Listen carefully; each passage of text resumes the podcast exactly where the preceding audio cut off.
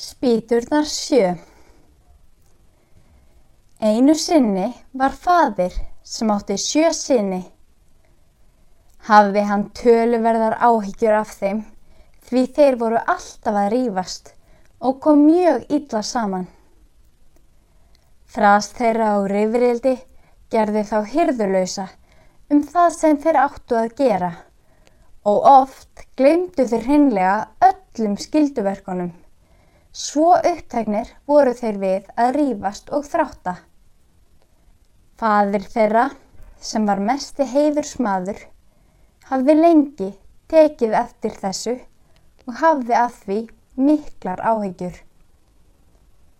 Eitt dag kallar hann þá alla á sinn fund og leggur fyrir þá sjö spýtur, samanbundnar í knipi og segir Þeim ykkar sem getur brotið þetta spýtuknippi sundur skal ég gefa hundrað ríkistali. Það var til mikils að vinna og því reyndu bræðurnir hverjum sig allt hvað þeir gátu til að brjóta spýturnar. Sá elsti byrjaði, síðan tók sá næst elsti við og svo kolla kolli.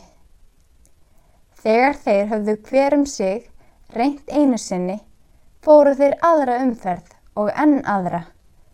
En það var sama hvað þeir höfumuðust, ekki gáfur spýturnar sig. Þetta er lífsins ómögulegt, sögðu þeir, þegar þeir loks höfðu játað sig sigraða. Nei, aldeilis ekki, sagði fadurinn. Ekkert er auðveldara. Svo leisti hann sundur knipið og braut síðan hæglega hverja spýtuna eftir aðra. Já, með þessu móti, gullu við allir sínirnir, þá er það reyndar hæðarleikur, þetta getur hvert bara gert. En fadurinn tók þá til orða og sagði, svona fór nú með spýturnar senu mínir, gæti þess að ekki fari eins fyrir ykkur, því hér er líkt á komið. Svo lengi sem þið eruð sáttir og haldið hópin sem einn maður, mun enginn yfirbuga ykkur.